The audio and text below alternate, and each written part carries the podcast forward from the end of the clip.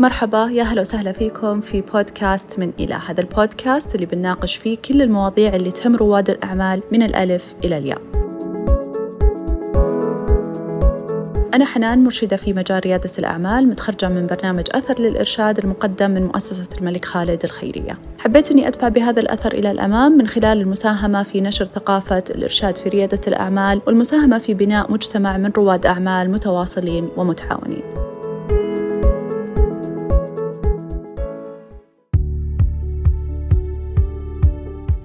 اليوم راح نناقش إيش يعني ريادة أعمال، من هو رائد الأعمال، وإيش أنواع المشاريع الريادية. هذه مصطلحات مهمة أننا نفهمها لأنها ما هي مصطلحات عشوائية ولكن لها مفاهيم وأيديولوجيات معينة ولها مضامين ووظائف معينة بالتالي فهمها بشكل أدق راح يساعدنا على فهم بيئة ريادة الأعمال بشكل أوضح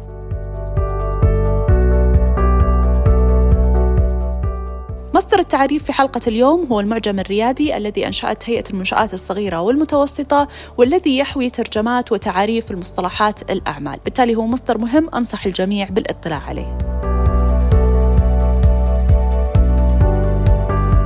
نبدأ بتعريف ريادة الأعمال. يعرف المعجم ريادة الأعمال بأنها القدرة والرغبة في تطوير مشروع مشترك وتنظيمه وإدارته مع تحمل أي من المخاطر المحتملة لتحقيق الربح. ومن أوضح الأمثلة لريادة الأعمال بداية أعمال تجارية جديدة. بالتالي نفهم بأن هذا تعريف شامل لكل الأعمال التجارية ولكن في صفات معينة للأعمال التجارية التي تعتبر ريادة أعمال وهي بأن من يقوم بتأسيس وتنظيم هذا المشروع هو من يقوم بإدارته وهو من يقوم بتمويله بالتالي يتحمل المخاطر الناتجة عنه.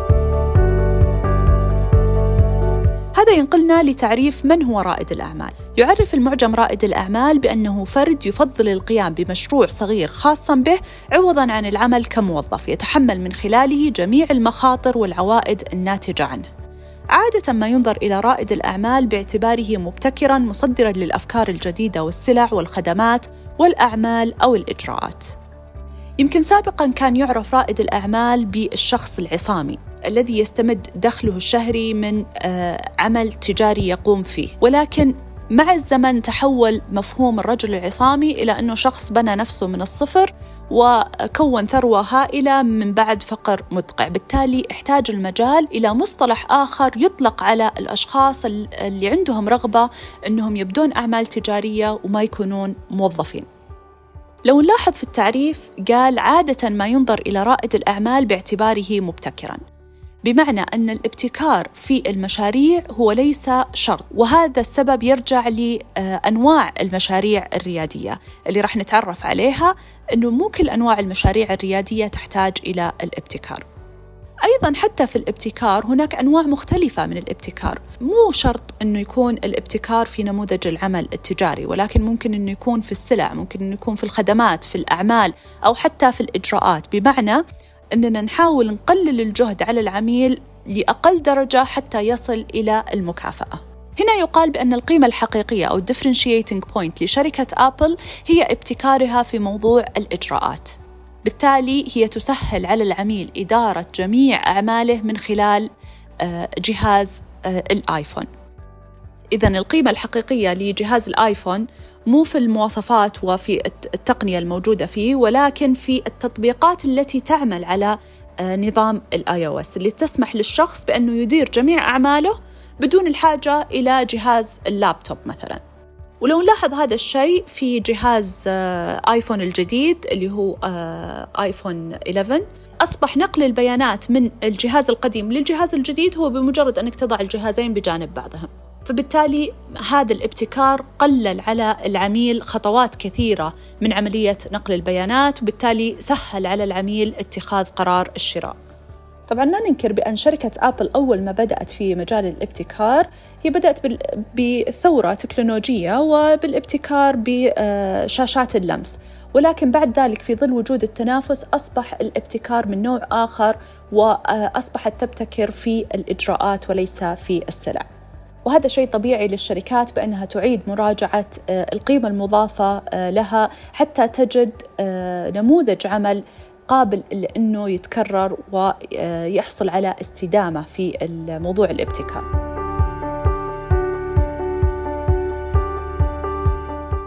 إذا بما أن تعريف رائد الأعمال وريادة الأعمال هي تعريف واضحة ومرنة حتى أنها تشمل جميع أنواع الأعمال وجميع الأشخاص الذين يقومون بتأسيس الأعمال. ليش دائما في لغط بمن هو رائد الأعمال؟ وهل يعتبر هذا الشخص رائد أعمال أو لا؟ وهل يعتبر هذا مشروع ريادة أعمال أو لا؟ وهل أساسا يوجد ريادة أعمال أو لا يوجد؟ باعتقادي بأن الإشكالية هي في آه، معرفة أنواع المشاريع الريادية ومعرفة بأن المشاريع الريادية بينها فروقات جوهرية فروقات أيديولوجية فروقات تنظيمية فروقات إدارية وحتى فروقات في استراتيجية تمويل هذه المشاريع. راح نتعرف في هذه الحلقة على نوعين من أنواع المشاريع الريادية. يمكن هي الأنواع الأكثر شيوعا واللي نشوفها آه، باستمرار في أيامنا وفي مجتمعنا وهو المشروع الصغير أو small business والمشروع الناشئ أو startup business نبدأ بالمشروع الصغير. مثال على المشروع الصغير مثلا خلونا نقول آه، مقهى قهوة مختصة آه، مطعم برجر آه، بوتيك ملابس شركة تسويق رقمي وما إلى ذلك. عادة هذا النوع من المشاريع هو يوجد في سوق قائم ولكن هذا السوق في فجوة. بالتالي هذا المشروع يرغب في أخذ حصة سوقية معينة وفي سد فجوة في هذا السوق. إذا ليس هدف هذا المشروع هو السيطرة على القطاع. يعني ما في شركة تسويق رقمي مثلا تقول أنا بسيطر على قطاع التسويق شركات التسويق. ولكن هذا هذه النوع من المشاريع ينظم لغرض الربح. هو شاف فيه فرصة في هذا السوق في حصة سوقية ممكن أنه يستحوذ عليها بالتالي هو دخل إلى هذا السوق بنموذج عمل مجرب ومختبر. إذا المخاطرة في هذا النوع من المشاريع تكون أقل.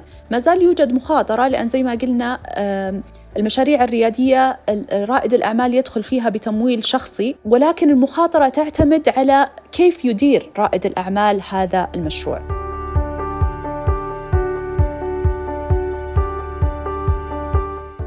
عادة هذا النوع من المشاريع يبدأ مستقل ويظل مستقل بإدارته بمعنى أنه لا يحصل على تمويل خارجي ولكن استراتيجية النمو في هذا النوع من المشاريع إذا كان فيه نمو بأن يعاد استثمار الدخل أو الربح في المشروع حتى ينمو. ولكن من الطبيعي جدا أن يظل هذا النوع من المشاريع آه، بحجمه الصغير. مثلا كوفي شوب ما يبغى يفتح فرع ثاني ويظل على حجمه الصغير.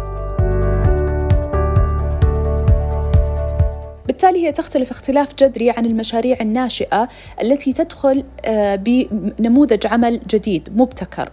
بالتالي هي تحتاج إلى اختبار نموذج العمل والتحقق من صحة نموذج العمل هذا.